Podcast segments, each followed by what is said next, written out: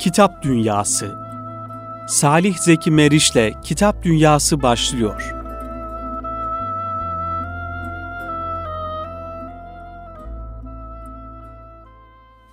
Efendim hayırlı akşamlar diliyoruz. Bir Kitap Dünyası programıyla tekrar birlikteyiz bir hafta aradan sonra.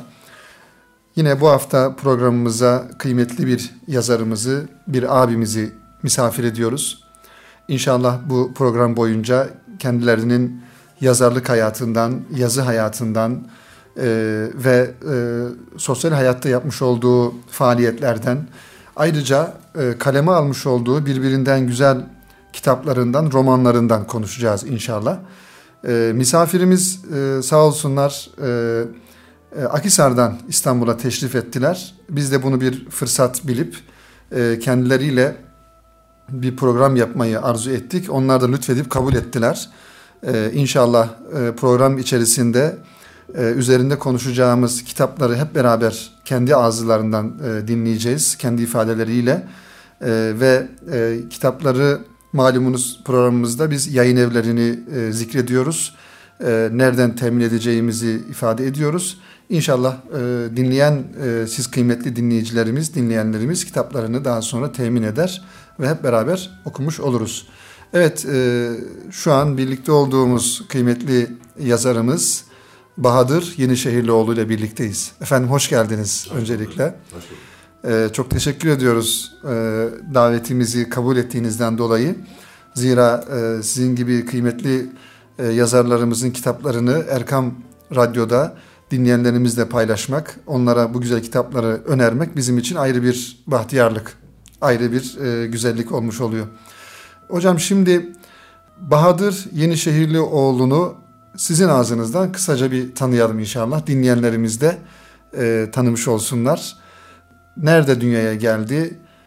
Lise öğrenimi, üniversite öğrenimi ve bu e, zaman zarfı içerisindeki belki yazarlık denemeleri bir yönüyle ve daha sonra da yazar olma kararı nasıl e, oluştu? Bunu inşallah sizden dinlemeye başlayalım. Ee, ben de sizlerle birlikte olduğum için e, çok mutluyum. Çok teşekkür ederim. Erkam Radyo'yu önemsiyorum. Ee, yalnızca ben değil, Türkiye'nin büyük bir kısmı Erkam Radyo'yu önemsiyor. Yaptığınız e, çalışma, yaptığınız hizmetin büyüklüğünün farkındayım. Teşekkür ederiz. Ee, Türkiye'de de bu fark ediliyor. Kaliteniz açısından, muhteviyatınız açısından, verdiğiniz hizmet açısından fevkalade güzel bir yayıncılık icra ediyorsunuz. O yüzden ben kendi adıma teşekkürlerimi sunuyorum size. Eksik olmayın efendim. Allah sayınızı arttırsın ve e, uzun soluklu programcılığınızı ve radyoculuğunuzun devamını nasip etsin inşallah. İnşallah. inşallah. Çünkü toplumda e, yılanların e, şaha kalktığı bir dönemde bir Allah dostunun sözüdür bu. Hı hı. Yılanların şaha kalktığı bir dönemde dışarısı tehlikelidir. Dışarısı çeşitli entrikalarla, çeşitli oyunlarla, şeytanın pek çok girdaplarıyla, tuzaklarıyla doludur. E, bunlara panzehir olmak lazım. Hı hı. Bu panzehir olma noktasında Erkam Radyo'nun ciddi faaliyet gösterdiğini görüyoruz. Bu da bizi gururlandırıyor. Evet ve büyük bir boşluğu doldurdu inşallah evet, kurulduğundan evet. itibaren. Tabii radyoculuk sadece radyoculuk yapmak pek çok radyo var hı hı. Türkiye'de. E, hepsi ellerinden gelen çalışmaları o ya da bu şekilde yapıyorlar. Ama benim burada kastettiğim muhteviyattır. Evet. İnsanlara faydalı olabilmek, insanlara bir şeyler veriyor olabilmek ve doğru bilgiyi aktarıyor olmak. Bu çok önemli. O yüzden bu noktada önemlisiniz. Çok teşekkür ederiz efendim. Ben 1962 e, senesinde Akisar'da doğdum. Doğma büyüme Akisarlıyım. Ama benim ailem e, Kafkaslardan Balkanlara göçmüşler hı hı. çok eskiden. Ben yarı Çerkezim e, Kafkaslardan Balkanlara göçüp uzun süre Yunanistan'ın yeni şehrinde yaşamışlar. Hı hı. Ama ileride e, ciddi manada sıkıntılar olacağı, orada yaşayan e, vatandaşlarımız açısından ciddi problemler yaşanacağını öngörerek büyük büyük dedelerimiz oradaki mal varlıklarını paraya çevirerek hı hı. Ege bölgesine göçmüşler ve oraya yerleşmişler rahmetli büyük büyük e, dedem İzmir'in ilk valisi, ilk belediye başkanı. Evet. Hı hı. O dönemde belediye başkanlığı ve valilik ayrı ayrı statüler değil. Tek bir kişi tarafından temsil edilen bir makam. Kaç yıllar oluyor bu? E valla Cumhuriyet'ten e, e, Cumhuriyet'in ilk yılları. İlk yıllar oluyor, evet. Evet. evet. tarihini tam olarak hatırlayamıyorum ama İzmir Büyükşehir Belediyesi geçtiğimiz süreç içerisinde hem büyük dedemin fotoğrafını hem de atanma yazısını istimens harflerle yazılmış olan atanma yazısını yayınladı. Milli Kütüphane'de de zaten fotoğrafı var. Sarıklı cübbeli Evet. bir e, belediye başkanı. E, hep siyasetin içinde olmuşlar. Memleket meselelerinin içinde olmuş ailem. E, pek çok hadiseyi m, değerlendirmişler. e, geride kalmamışlar. E, ailem benim okumaya meyilli bir aileydi.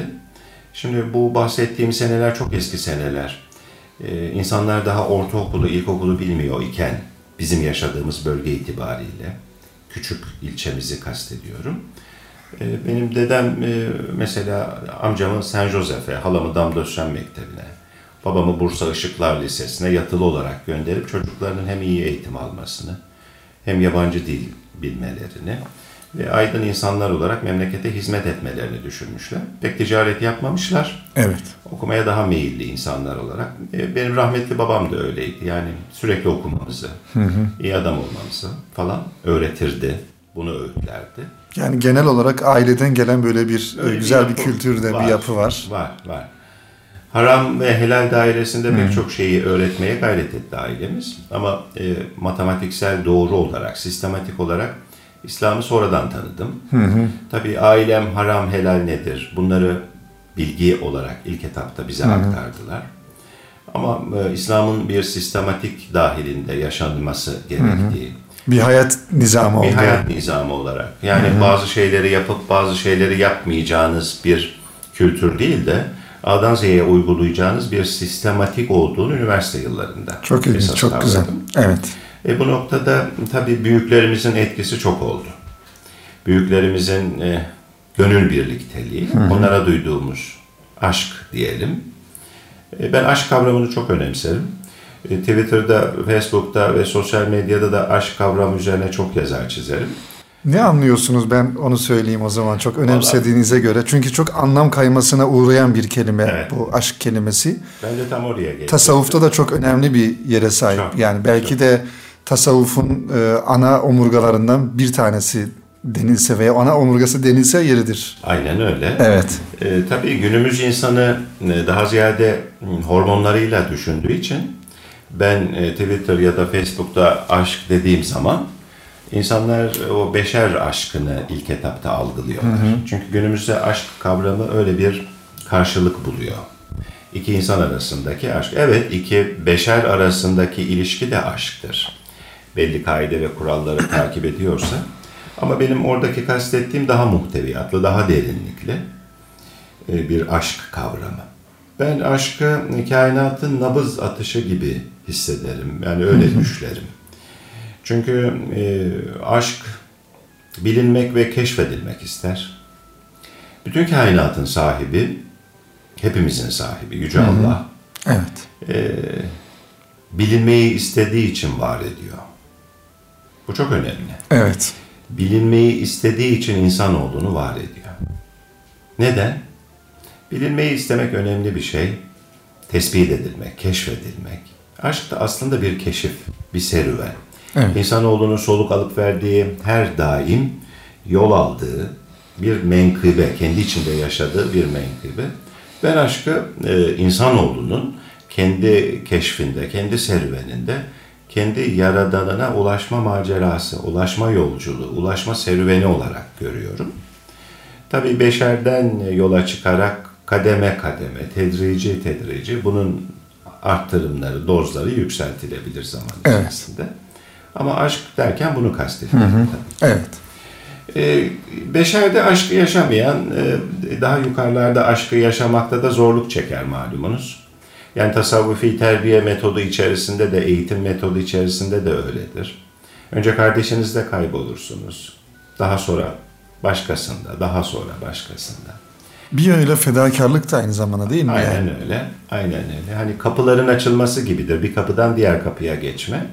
Ama geride bıraktığınız kapıyı minnetle anarak, ondan çok şey aldığınızı, onun sizi çok beslediği, onun sizin kıvamınızın değişmesinde çok faydasının olduğunu idrak ederek yepyeni kapıların açılmasıdır.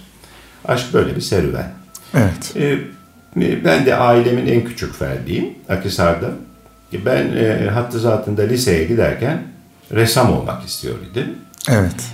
E, o zaman empresyonistleri ve klasikleri, o dönemin ressamlarını, Manet'leri, Monet'leri, Rembrandt'ları falan, Türk ressamlarını ilgilenirdim. Ama rahmetli annem... E, lise yıllarında değil mi? Lise yıllarında. Hı-hı. Rahmetli annem bir gün beni karşısına aldı. Dedi ki kulağı kesik Van Gogh gibi sefil bir hayat mı yaşamak istiyorsun Paris sokaklarında dedi. Hı. Sen de hukuk eğitimi alacaksın. Biraz böyle benim babam felçliydi. Uzun yıllar evet. felçli yaşadı. Annem de Osmanlı hanımefendisiydi. Malın mülkün kontrolü onun elindeydi. Sözü Hı-hı. sohbeti dinlenir, sözü kırılmaz bir hanımdı bizim Hı-hı. açımızdan. Hı-hı. Sen hukuk eğitimi alacaksın dedi. O sayede ben de hukuk eğitimi aldım. Evet. 27 yıldır da profesyonelce avukatlık mesleğini icra ediyorum. Evet hocam e, e hızlı belki gitmemiz gerekiyor çünkü kitaplarınızı konuşacağız. Onu Olur. dinleyenlerimiz de şüphesiz merak ediyorlar. E, tabii yine aynı bölgede 9 Eylül Üniversitesi Hukuk Fakültesini kazandınız. Doğru. Kaç yılında? E, 1985 yılında mezun oluyorsunuz. Doğru.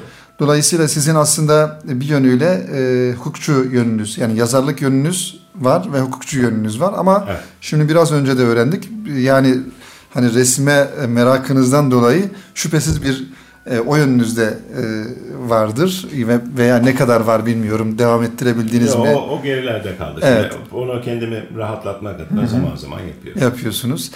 E, şimdi e, Akisar'da yaşıyorsunuz.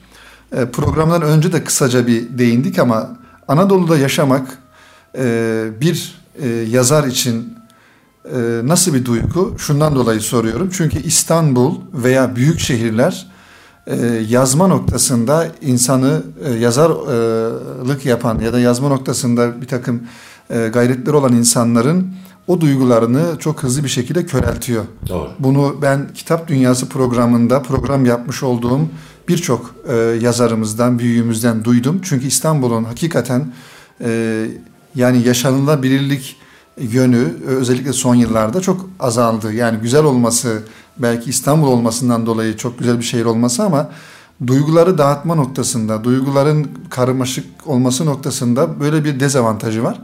Siz Akisar'da e, yani bir Anadolu şehrinde böyle bir kıyas yaptığınızda nasıl bir e, duyguya kapılıyorsunuz?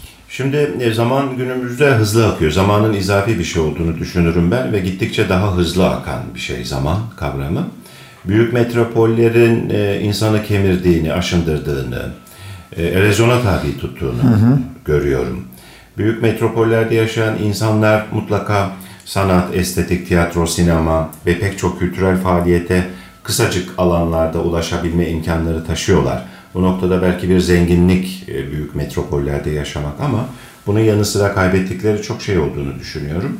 Ben kendi adıma küçük bir yerleşim yerinde yaşıyor olmanın dinginliğini ve huzurunu yaşıyorum. Evet. Ben yazabilmek için ya da üretebilmek adına yani plastik sanatların hangisinden isterseniz isteyin yola çıkın ya da Hı-hı. yazım ben bir edebiyatçı olduğum için yazım serüveninden yola çıkarak söyleyebilirim. Hı-hı. Üretebilmeniz için illa metropolde yaşamanız gerekmiyor.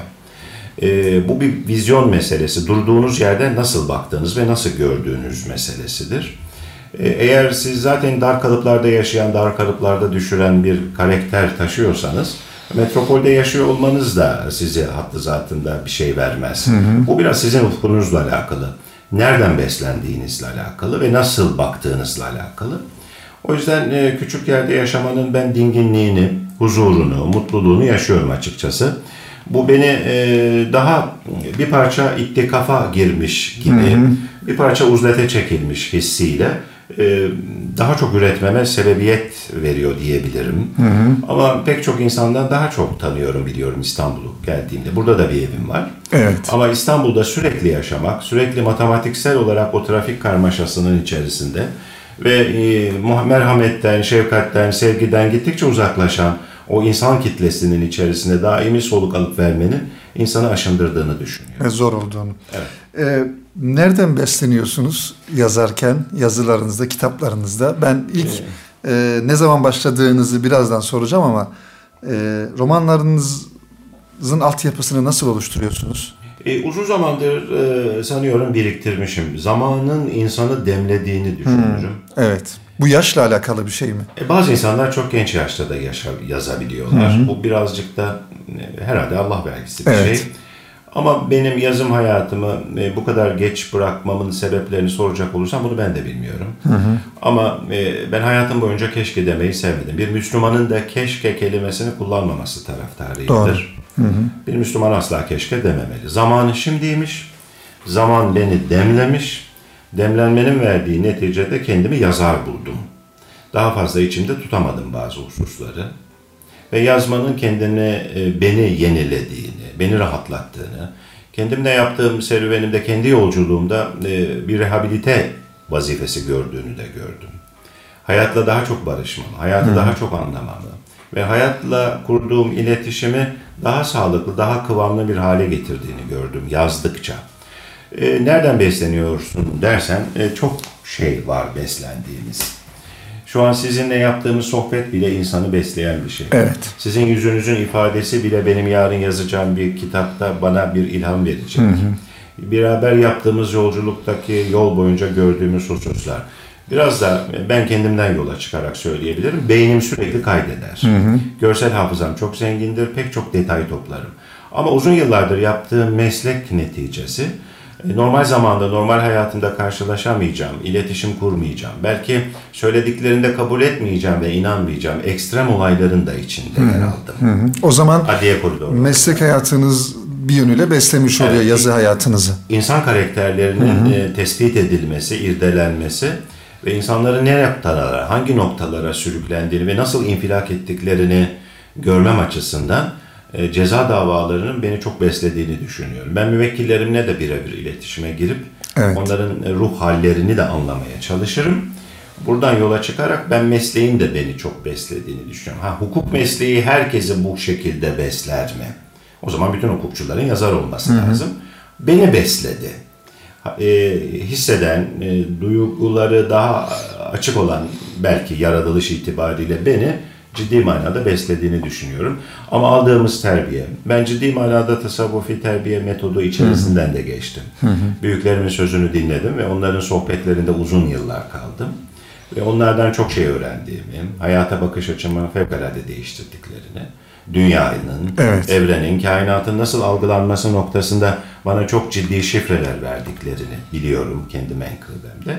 Velhasıl pek çok insandan, pek çok olaydan, pek çok yerden, mekandan, havadan, kokudan, renkten, her şeyden besleniyoruz. Ee, belki biraz konu dışı olacak ama tasavvuf e, demişken e, neticede sosyal hayatın içerisinde olan bir insansınız. E, aynı zamanda mesleğiniz itibariyle de e, çok değişik insanlarla da karşılaşıyorsunuz. Bu yönüyle de e, biraz önce de ifadenizden de anladığımız üzere gözlemliyorsunuz, hayatı gözlemliyorsunuz, insanları, karakterleri. E, tasavvuf e, yani insan hayatında e, nasıl bir boşluğu dolduruyor size göre? Ee, Benim hayatımda tasavvuf olmazsa olmazı. Ben insanların tasavvufun, yani kimseyi kastetmiyorum. Sadece kendi menkıbemden yola çıkarak söyleyebilirim. O yüzden kimse üzerine alınmasın. Ama tasavvuf benim çerimi çöpümü almıştır. Hmm, evet. Tasavvuf beni mamul hale getirmiştir. Yani demirin içindeki hani curufu aldığı Aynen öyle. gibi öyle diyor büyüklerimiz. Aynen öyle. Ha, bu, e, arzu ettiğimiz noktada mıyım kendi adıma? Hayır. Her zaman son vereceğimiz, alacağımız nefese kadar bu serüven devam edecek. Ama tasavvufun insanı mamul hale getirdiğine inanırım. Tasavvufun e, rikkatli hisseden, özünü ortaya çıkardığını düşünürüm insanoğlunun. İnsanoğlunun yeryüzünde e, arz üzerine bırakıldığı andan itibaren tasavvufun ismi konmamış olsa bile Peygamber Efendimiz sallallahu aleyhi ve sellem döneminde tasavvufun ismi yer almamış olmakla beraber tasavvufun yaşanan bir şey olduğunu biliyorum, hissediyorum. Bu insanoğlunun serüveni gibi. Günümüzün insanı açısından bakarsak tasavvuf gerçekten ciddi manada bir panzehir. İnsanoğlunu e, yani düşünebiliyor musunuz? Kırmamayı ve kırılmamayı zirve nokta itibariyle size bunu öğretmeye çalışıyor. Bunu günlük dilimizde kullanabiliriz. Kırmamak, kırılmamak. Ama bunun üzerinde durmak ve içine girmek, derinliğine bir yolculuk yapmak gerek. Kırmamanın ve kırılmamanın nedenli üstün bir şey olduğunu, toplumun bu noktaya geldiğini düşünecek olursak o zaman tasavvufun gücü kendiliğinden ortaya çıkıyor. Kaldı ki bu topraklardaki kültürü var eden, bu topraklardaki kültürün ana mayası ve unsuru da tasavvuftur. Evet. Bu noktada hizmet veren erlerin çalışmalarıdır. Bu noktadaki Allah dostlarının yaktıkları ışık neticesi pek çok karanlık noktada kalan insanoğlu yolunu bulmuş, ayarını istediği noktaya getirebilmiştir. Öyle bir noktadayız. Tasavvufun bir üst bilinç olduğuna Evet. Ee, tabiri caizse günümüz tabiriyle kullanmak gerekirse bir üst eğitim yani e, sizin master yapmanız, doktora yapmanız ve daha da yükselmeniz gibi bir eğitim metodudur. Tabi İslam'ın e, şeriatının tam manasıyla bilinmesi icap eder. Altyapının oluşturulması. Ama bir Allah dostu bana şöyle demişti. Dışarısı o kadar büyük fırtınaya tabi tutuldu ki kapıya çalanların hiçbirini artık geriye çevirmiyoruz. Eskiden kapıyı çalanlar evladım şeriatınızı tamamladınız mı? Yani namazınızı adam gibi kılıyor musunuz? Yapılması gereken emir ve yasaklara riayet ediyor musunuz? Bunları yapıyorsanız biz bunun üstüne çalışmamızı başlatalım. Ama günümüz o gün değil. İnsanoğlu öyle bir savruluşla savruluyor ki Evet. hatta 2014 senesinde bu savruluşların din adına da bizi ne noktalara getirdiğinin canlı şahitleriyiz. Gördük, evet. Dolayısıyla sağlıklı Kur'an ve peygamber nebevi metot noktasında tasavvuf bize çok şey kazandırır ve gözümüzdeki bağı çözer. Evet hocam aslında e, gönül arzu eder sizinle ayrı bir şekilde tasavvufla alakalı düşüncelerinizi, izlenimlerinizi, e, bir yönüyle tecrübelerinizi konuşmak. E, ama bu programda inşallah kitaplarınızı konuşuyoruz. Şimdi birinci bölümümüzün son sorusu olarak ben istirham ediyorum. E, yani hukukçu kimliğiniz bir tarafta devam etmekle beraber e, yazmaya ne zaman karar verdiniz ve ilk kitabınız ne zaman çıktı?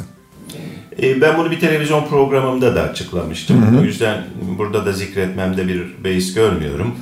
E, r- r- babam felçliydi. 12 Eylül olmuştu. Evet. 12 Eylül öncesinden felçliydi. 12 Eylül olunca rahmetli abim e, cezaevine atıldı. Uzun süreli, uzun soluklu bir e, sıkıntılı dönemde ailem için. O dönemi yaşayan Türkiye'deki pek çok aile gibi ciddi travmalarını yaşadık. Abim cezaevinde idam cezasıyla yargılanır iken babamı kaybettim. Fakat babamın öldüğünü abime söyleyemedik. Çünkü ciddi problemlerimiz vardı. Bir de babasının vefatıyla onu üzmek istemedik. Ben e, babamın adına sahte mektuplar yazmaya başladım abime.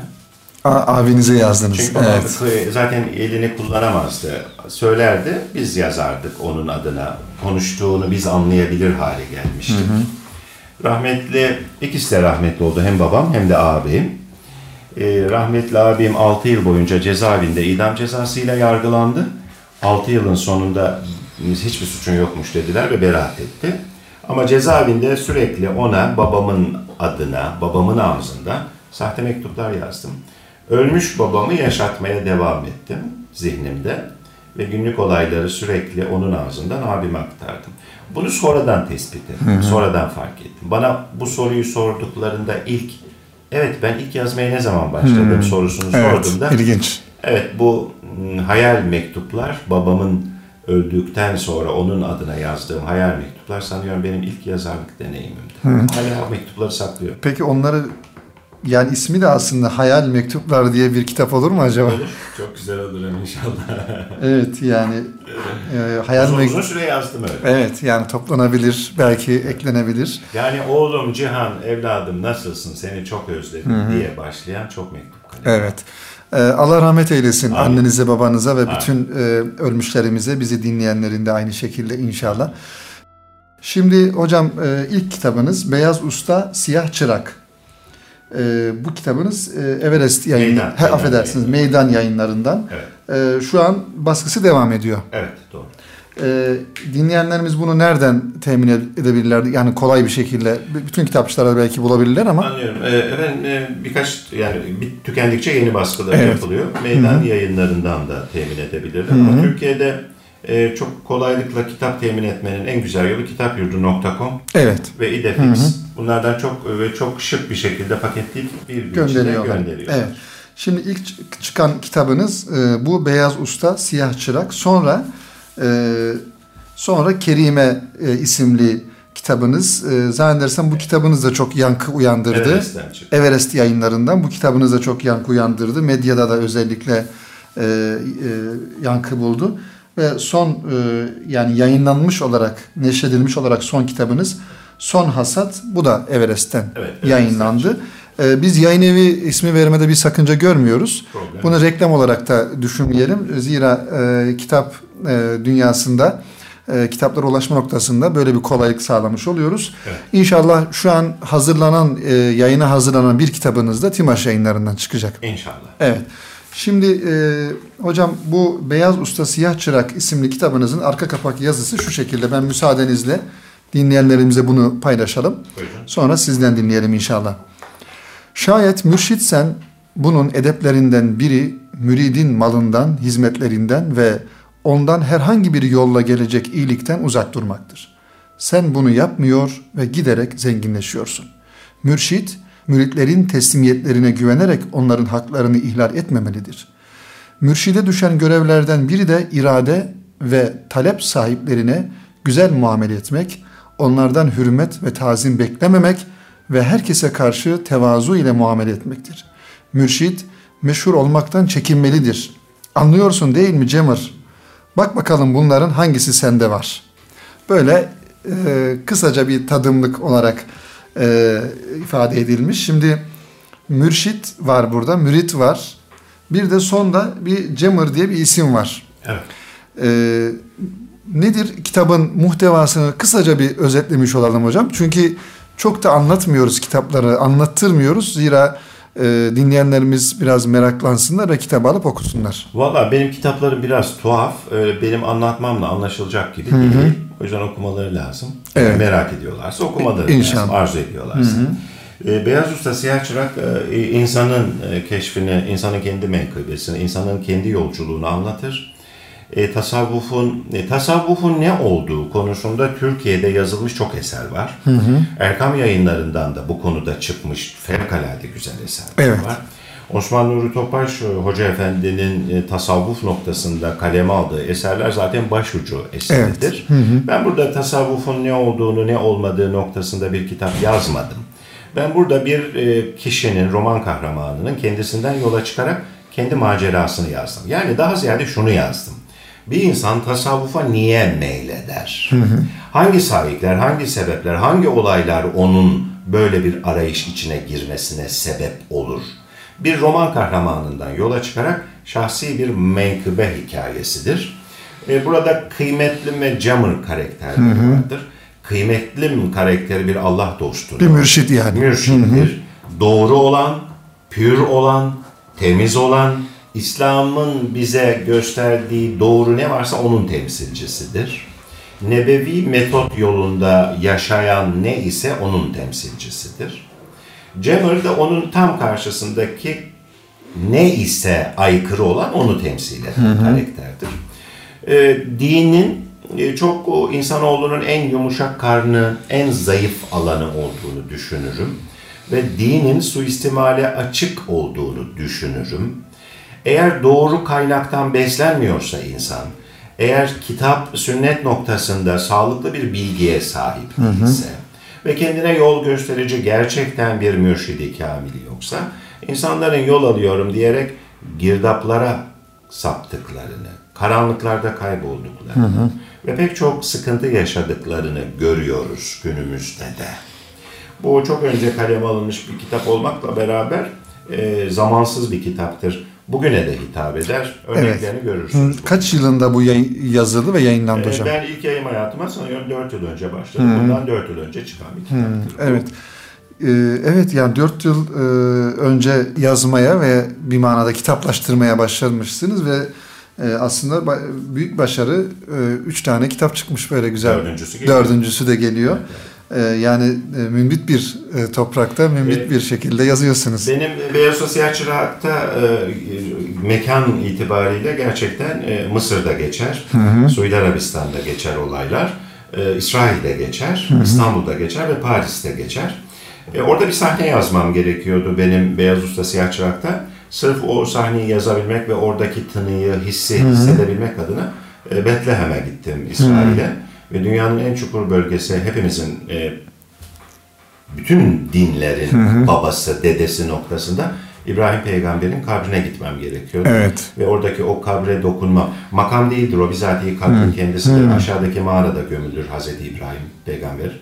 Ve üzerinde de bir cami vardır. Yarısında Yahudiler, yarısında Müslümanlar girer farklı Evet. Yaşanan bir olaydan sonra ortadan ikiye bölünmüştür. Orada bir sahneyi yazmak için e, sırf o sebeple oraya gitmiş. Evet dinleyenlerimiz bunu bilmiş olsunlar. Evet, Yani enteresan bir kitap. E, zaten hayat e, biyografinizde kısaca e, var. Ona da değinmiş olalım. E, yani birçok ülkede burada yani Çin'den Fransa, İspanya, İsviçre, İtalya, Almanya, e, Suudi Arabistan, Ürdün, Suriye birçok yani ifade ediliyor. Bu ülkelerde de araştırmalarda e, bulunmuşsunuz. E, yani bu kadar ülkeyi de dolaşmış e, oluyorsunuz aynı zamanda. Evet bu genç yaşıma çok şey. Evet, Aslında 52 yaşındayım. Evet. Genç değilim ama. evet. Evet zamanı doğru. Bana e, Allah dostum, e, bir Allah dostu, e, benim büyüğüm, rehberim, yeri yurdu cennet mekan olsun. Amin. Onun sözüdür. Evladım zamanı doğru kullanın. Kendiniz için, aileniz için, çocuklarınız için ve Allah'la olan irtibatınız için. Her şeyin zamanı olsun. Ve bu zamanı doğru kullanırsanız o takdirde herkesi mutlu edersiniz ve bereketlenirsiniz demişti. Ben de onun sözünü mihenk aldım. Sanıyorum onun sözünü dinlemiş olmam zamanı bereketlendirdi. Peki bu kadar coğrafyayı e, dolaştınız yine e, belki e, konu dışı bir soru ama e, yani Müslüman ülkeleri de dolaştınız İslam coğrafyasını ama Avrupa ülkelerini de E, İslam coğrafyasını dolaşırken e, nasıl duygular yaşadınız? Üzülmemek elde değil. Evet. Üzülüyorsunuz. Hele hele İsrail'e gittiğinizde, bilmiyorum gittiniz mi ama İsrail'e gittiğinizde gördüğünüz fotoğraf can evinizden alıyor sizi, ciğerinizden dağılıyor. İslam, e, İslam coğrafyası maalesef sömürülen, kullanılan, cevherleri birileri tarafından çalınan, ruhu çalınmaya çalışılan e, çok sıkıntılı bölgeler. Evet. Her gittiğimde, her seyahatimde, farklı farklı ülkelerde. Ama çok sıcaktırlar insan itibariyle.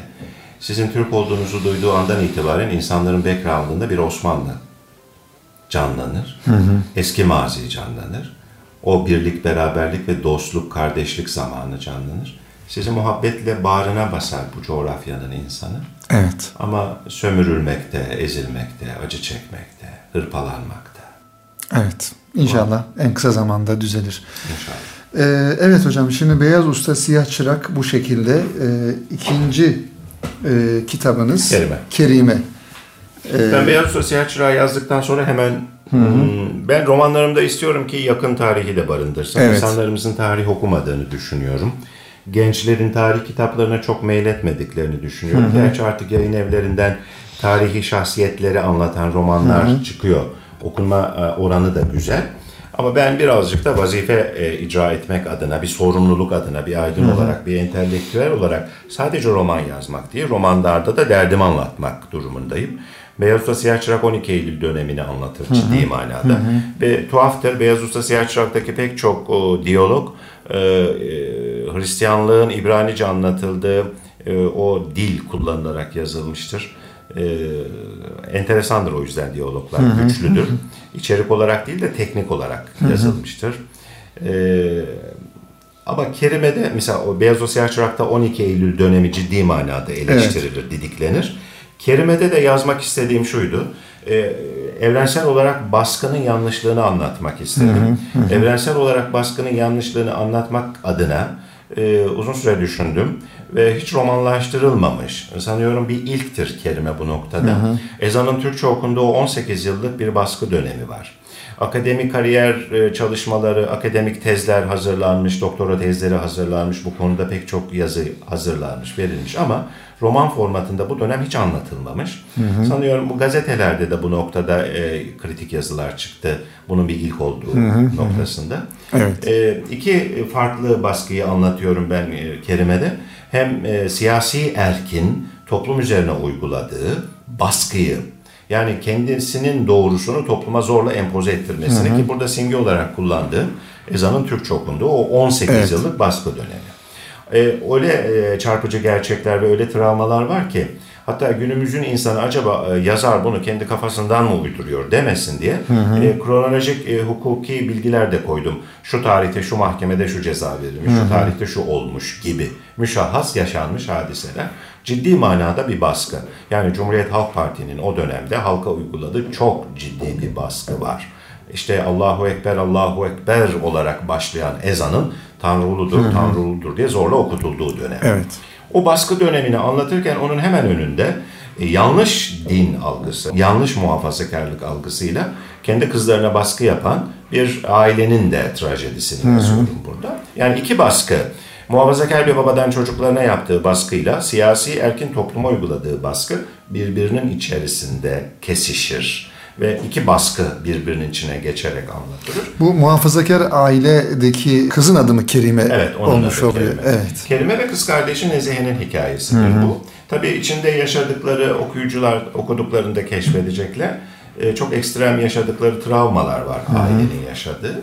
Ee, şimdi çok baskı, evrensel olarak baskı, hemen ona değinmek zorundayım. Buyurun. Ee, insanda ciddi manada kaymalara sebebiyet verir. O dönemde yani ezanın Türk okunduğu 18 yıllık dönemde öyle ciddi baskı uygulanıyor ki Kerime'nin babası şeriye katibidir. Yani hmm. bugünün zabıt katibi gibi. Hmm, hmm. Ama sistem öyle bir baskı uygular, her şey öyle alt üst olur ki İnsanlar Kur'an-ı Kerim öğrenemezler, ezan Türkçeleştirilir, hocalara gidemezler, camilerin ahıra çevrildiği zamanlar. Yani bir kaos dönemi, şizofren bir dönem. Hı hı. Ve o dönem içerisinde o baba artık e, kıyametin geldiğini, hiçbir şeyin iflah olmayacağını, hiçbir şeyin düzelmeyeceğini düşünerek içine kapanmaya başlar. Ve bu içine kapanma süreci artık ciddi manada patolojik problemlere de sebebiyet verir. Yani devletin uyguladığı baskı aslında topluma her açıdan zarar verir. Bütün evet. özgürlükler bağlamında. Düşünce yapılarını bozar. Düşünce silsilelerini bozar. Hiçbir şey artık iflah olmaz. Ahir zaman dönemi bütün erkekler ırz düşmanı noktasında Hı. bir noktaya gelir baba ve yanlış bir baskı neticesi kızlarına zarar verir. Ama esas orada anlatmaya çalıştığım o 18 yıllık bugünün gençlerinin Hı. bilmediği yani Türkçe müziğin bile yasak olduğu dönemden bahsediyorum. Evet. O dönemi çok çarpıcı kalem aldığımı düşünüyorum. O yüzden ciddi manada etkisi oldu. Ee, nasıl e, geri dönüşler aldınız kitabınızla çok, ilgili çok, bu çok, manada? Çok. Ee, ben e, tabii bir kitabı herkesin beğenmesi, herkesin hoşlanması mümkün değil. Evet. Ama e, bana ters dönen herhangi bir durum söz konusu olmadı e, kitabın başından itibaren sonuna kadar okunduğu zaman ne demek istediğim anlaşılacaktır. E, çok güzel geriye dönüşler aldım. Çok ses getirdi. Ve Hı-hı. bunun sayede pek çok televizyon programı yaptım. Evet, evet. E, ciddi manada da etkisi oldu. E, ve bu e, katibin sonunda bu e, kızlarını dul bir adamla evlendiriyor değil mi? Kızını. Ve, kendi Hı-hı. kelimenin yaşadığı trajedi anlatıyor. Evet. Evet, bir kadın As- hikayesi aslında. Yani aslında bu bu tarz şeyler günümüzde de yaşamıyor değil yani bir yöreyle yaşanıyor. Üstadım e, şimdi çok e, steril yaşayan, hı hı. E, çok pür yaşayan, çok fazla etliye sütliye bulaşmayan, çok fazla da insanla iletişim kurmayan insanlar, aileler bu buradaki yazdığım hususları yadırgayabilirler. Evet. Ama ben biraz önce konuşmamızın başında adliye 27 yıllık adliye tecrübemde bizatihi bu olayların yaşandığını şahidiyim. Evet. Hani bir okur, muhafazakar bir okur, kelimeyi okurken ya bu da olur mu diyebilir ama bunlar oluyor. Oluyorlar ben evet. Bizzat gözlemliyorsunuz. Evet. evet. Hocam şimdi yayınlanmış olan üçüncü kitabınız Son Hasat. E, Son Hasat. E, ben yine müsaadenizle şu arka kapak yazısını dinleyenlerimizle paylaşalım. Tabii ki efendim. Ee, Akisar'ın zeytinyağı tüccarlarından birisinin kızı olan Hilal şizofrenidir. Bunun öğrenilmesinden çekinen ailesi tedavi için onu İstanbul'a gönderecek ve şifa arayacaktır. Uzun süre kaldığı akıl hastanesinden Akisar'a döndüğünde ise Hilal ailesinin onu evlendirme baskısıyla karşı karşıya kalacaktır. Evlendirilmek istediği kişi olan Alparslan mevsimlik işçi olarak tütün toplamaya gelmiş kızlardan birine aşıktır. Ancak yine de ailesine ve düzene karşı gelemeyip Hilal ile evlenir. Hilal'in hastalığının tam olarak iyileşememesi, iyileşememiş olması da bu döngüye eklenince herkesin hayatını alt üst eden bir dram ortaya çıkar. Evet bu da yaşamış olduğumuz toplumda çokça belki e, karşılaşılabilecek yine e, farklı bir olay. E, bu e, son hasat kitabınızın hikayesi e, acaba böyle yaşadığınız bir hadiseden mi etkilenerek başladınız ee, yoksa? Hilal karakteri gerçek bir karakter. Gerçek evet. Hilal'e, e, Çünkü Akisar e, da, da olmuş olması. Doğru. Şizofren yazmak, şizofren psikolojiyi yazmak e, ve aynı zamanda kadının şizofren olarak e, kaleme almak, karakter olarak çok zordur. Hı hı. Ciddi manada benim için bir e, zorlanma süreciydi ve ben tek bir karakter değil, üç tane şizofren kadın yazdım. Ama benim Sonasat'ta esas dikkat çekmek istediğim husus Sonasat'ı merak Sonasat'ın e, satış grafiği de gayet güzel. Okuyucularla evet. da iletişimi Hı-hı. güzel. Kastetmek istediğim şu. Kadın hikayesini aldıklarında okuyacaklar. E, pek çok yazar e, okurumdan şunu geriye dönüş olarak alıyorum. Bir erkek olarak bir kadını neden nasıl bu kadar güçlü anlatabiliyorsunuz e, diye inanamıyorlar yazarın erkek olmasına. Bir kadın ancak bir kadın anlayabilirdi bu şekilde evet. diye. Üzerinde uzun süre çalıştım. Pek çok kitap okudum, tıp kitap okudum şizofreni ile alakalı. Benim burada esas e, dikkat çekmek istediğim husus farklı. E, Hilal karakterini okuyanlar öğrenecekler. E, Hilal'in büyük annesi Menemen hadisesi döneminde çocuktur. E, şizofren üç tane kadın ve şizofren bir aile ama şizofren bir dönem. Evet. e, şimdiye kadar e, rahmetli Kubilay hiçbir e, kitapta e, iç sesleriyle yazılmamış. Ben ilk kez hiç yapılmamış bir şey yaptım. Biraz önce söylediğim gibi kitaplarında mutlaka yakın tarih olsun istiyorum. Ama yakın tarihin devlet tarafından anlatılan şekli değil. değil evet. Halk nezdindeki gerçek saklı Hı-hı. tarihi Hı-hı. kastediyorum. Nasıl e, Amerika'nın e, 11 Eylül'ü ikiz kulelerin yıkılması, Amerika'nın Orta Doğu'ya e, girmesi için bir gerekçe olsun diye oluşturuldu ve var edildiyse, o dönemin Kubilay hadisesi de Türkiye'nin 11 Eylül'üdür.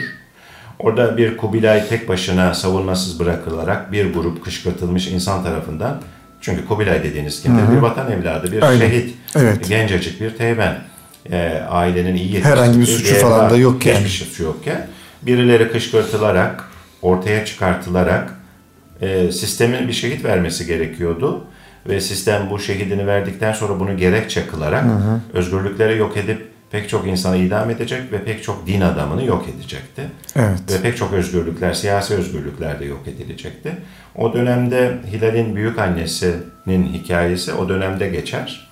Ve o dönemi anlatır. Şizofren Hilal'in büyük annesi ve şizofren bir dönem. Aslında evet. dikkat çekmek istediğim hı-hı, buydu. Hı-hı. Ve Kubilay şunu Kubilay'ın iç seslerini yani bu benim hayalim. Ama doğru bilgilerden, gerçek bilgilerden yola çıkarak o dönemin tanıklığına e, şahit olmuş dedelerinden, ninelerinden dinlemiş kişilerden yola çıkarak yazdım bunu. Ortaya gelir menemene o baskını e, durdurmak durumundadır. O saldırıyı bertaraf etmek durumundadır. Ama arkasındakiler çil yavrusu gibi dağılırlar. Çok az bir askerle gönderilmiştir. Ve ticanilerden biri kasığından yaralar, ateş eder. Kaymakamlık binasına sığınmak ister Kubilay. Kaymakamlık binasının kapısı açılmaz. Kaymakam Bey yukarıdan olayı seyreder. İçeride askerler vardır ama kapı Kubilay'a açılmaz. Kaymakamlık binasının hemen karşısındaki Gazaz Camii'ne sığınmak ister rahmetli Kubilay. Kasığından akan kan, hmm. kaymakamlık binasının devlet temsilidir oradaki kaymakamlık binası ve o mermerleri kan akmaya başlar. Devlet kanıyordur aslında orada. Hmm. Ve Kubilay o noktada kaymakamlık binasından Gazaz Camii'ne gitme süreci içerisinde işte orada ben devreye giriyorum ve onun iç seslerini. Hangi kirli oyunun parçası haline getiriliyorum? Kimler beni kurban ediyor? Neyin, hangi kara bulutun, hangi sisin varlığı beni bu noktaya getirdi diye kendini sorgular. Hı hı. Ve e, Gazaz Camii'ne gittiğinde giremez, kafası kesilir ve ardından işte idam sehpaları konulur Ve hemen e, esas güçlü gruplar, askerler gelir, mitrilyozler kurulur ve o ticani grubu dedik. Genelkurmay kayıtlarında da Esrakeş grubu olarak Evet. geçiyor. Tek bir kişi bile sağ bırakılmaz, hepsi öldürülür. Mahkemeye biri bile çıkarılmaz. Yani ki sizi kim tuttu, sizi kim kışkırttı, geriye hiçbir delil bırakılmaksızın dar ağacı kurulur. Çocuklar bile o dar ağacında sallandırılır Ayrı bir dram yaşanır yani. apayrı bir dramdır. Ben son hasatta aslında bunu dikkate çekmek Evet. istedim ama e, bu çok kısa bir yerde geçer ama çok etkilidir. Kalbi mahiyetindedir romanın ve o üç nesil kadının hikayesi anlatılır çarpıcı bir dille. Evet. Ama benim esas üzerinde durduğum şimdi yeni çıkan kitabım, çıkacak olan. Şimdi e, onu da hocam e, isterseniz arzu ederseniz tabii yazarlar genel manada hani çıksın okusunlar yaz, e, oku- okuyucularımız sonra e, şey yapsınlar derler ama siz yine bir e, müjde olması noktasına dinleyenlerimize programımızın da sonuna gelmiş bulunuyoruz. E, önünüzde notlar var ama e, siz ta e, Aksaray'dan buraya kadar geldiniz. Biraz programı uzatabiliriz. Ne kadar süreniz var? 5-6 dakikada inşallah e, eğer sığarsa özetleyebiliriz yeni çıkacak olan O kitabımızı. zaman şöyle, e, bu Birinci Dünya Savaşı'nı anlatıyor yeni çıkacak Evet. kitabımız. Timaş'tan çıkacak olan. Burayı çok önemsiyorum. Buyurun. Orada bir Abdullah Efendi karakteri var. Abdullah Efendi'nin yaptığı bir konuşma var. Kitabın can evinden, can evi noktasından bir şeydir bu. E, Arzu ederseniz kısacık onu hemen okuyayım. Lütfen buyurun. Şimdi Abdullah Efendi her zamankinden farklı olarak bambaşka bir şekilde sohbetine başladı. Milletin birlik ve beraberliğinden ayrılanın hiçbir dileği gerçekleşmez. Bir millet birliğini yitirmişse o milleti meydana getiren bireyler de gelecekle ilgili hayal ve arzularından vazgeçmek zorundadırlar. Vatanı değerli kılan unsurların en önemlisi millettir. Eğer bir millet birliğini koruyamazsa tarih sahnesinden silinir. Vatan ve millet sevgisi ayrılmaz bir bütündür. Tabii ki hür olmayan milletlerin vatanlarının olması da düşünülemez. Vatan toprakları milletlerin sahip olduğu en büyük güç ve dayanaklarındandır. Vatanda birlik ve beraberlik içinde hür olarak yaşamak ecdadımızın tarih boyunca benimsediği en büyük düstur olmuştur diyor Abdullah Efendi. Şimdi Abdullah Efendi'nin bu sözü aslında bugüne de çok ciddi ışık tutuyor. Bugünün insanına. Ve Abdullah Efendi'nin bu anlatımı, bilgisi, ortaya koyduğu değerler Ali karakterini ortaya çıkıyor. Ali karakteri de e, Çanakkale'ye giderken e, kendi düşüncelerini ortaya koyuyor. Ve şöyle diyor. Ali Çanakkale'ye gidip şehit olmak noktasında arkadaşlarına döndü. Ortak kaderi taşımak için hepimiz fedakarlık yapacağız. Birbirimize destek olup ölümün içine gireceğiz güle şahenk. Dişidir toprak, doğurur yiğitlerini. Yiğitler bırakmaz hiçbir zaman kahreden saltanatıyla küfrü. Komaz anasının bağrında düşman postalını. Penceremize ilkbahar sağanakları düşecek. Rahmet düşecek elbet.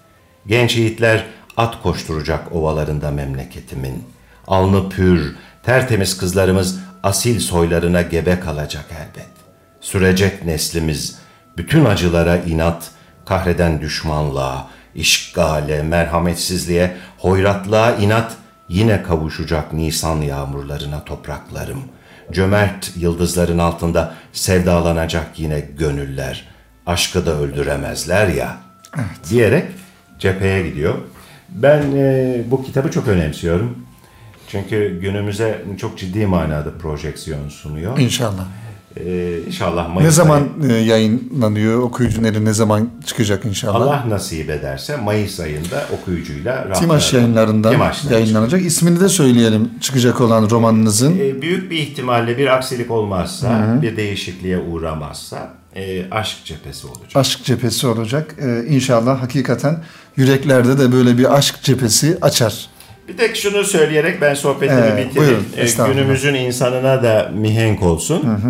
Ee, Ali diyor ki memleketin selameti için milleti İslamiye'nin bu beladan kurtulması için dualar edeceğiz. Çarpışacağız, can vereceğiz. Ya Rab, Kabe ve Ravza hürmetine Müslümanları mansur eyle diye kutsal mabedimizde dualar edilecek. Hepimiz bizden bekleneni yapacağız elbet. Hiç ümitleri boş çıkarmak var mı? Öleceğiz, Dirilip yeniden cenk edeceğiz. Şehitler ölür mü hiç? Kınından çıkmış kılıçlar gibi beden kafesinden kurtulmuş şehitler olarak devam edeceğiz. Gerdek gecesinin sabahı cenge koşup şehit olan ecdat gibi melekler tarafından yıkanıp defnedileceğiz. Kınalanmayı şeref bileceğiz. Üstadımızın sözlerini rehber edineceğiz diyor. Evet. Bugünün insanına da çok şey ifade Doğru. ediyor Ali. Evet. Ayrı bir bilinç inşallah gençlere. İnşallah. Ee, kıymetli hocam çok teşekkür ediyoruz. Ben teşekkür ederim zarif davetiniz ee, Estağfurullah. Yani hakikaten birbirinden güzel e, hem kitaplarınızı konuşmuş olduk. Aynı zamanda sizi tanımış olduk ve e, düşüncelerinizi, e, birçok noktadaki düşüncelerinizi dinledik ve çok istifade ettik. E, umarız dinleyenlerimize istifade etmiştir inşallah. İnşallah. E, biz Bu e, fakir bir hata ettiyse affedin. Estağfurullah. Biz ümit ederiz ki e, Aşk Cephesi kitabınız çıktığında da onu da e, daha detaylı konuşuruz inşallah, inşallah. E, radyoda, e, Erkam Radyo'da. İnşallah. E, efendim e, Kitap Dünyası programının burada sonuna gelmiş bulunuyoruz kıymetli dinleyenler e, yazar e, Bahadır Yenişehirlioğlu hocamızla beraberdik. E, ta Aksar'dan geldiler ve e, güzel program yaptık. İnşallah faydaya medar olur. E, bir sonraki programda buluşmayı ümit ediyoruz. Hepinizi Allah'a emanet ediyoruz efendim.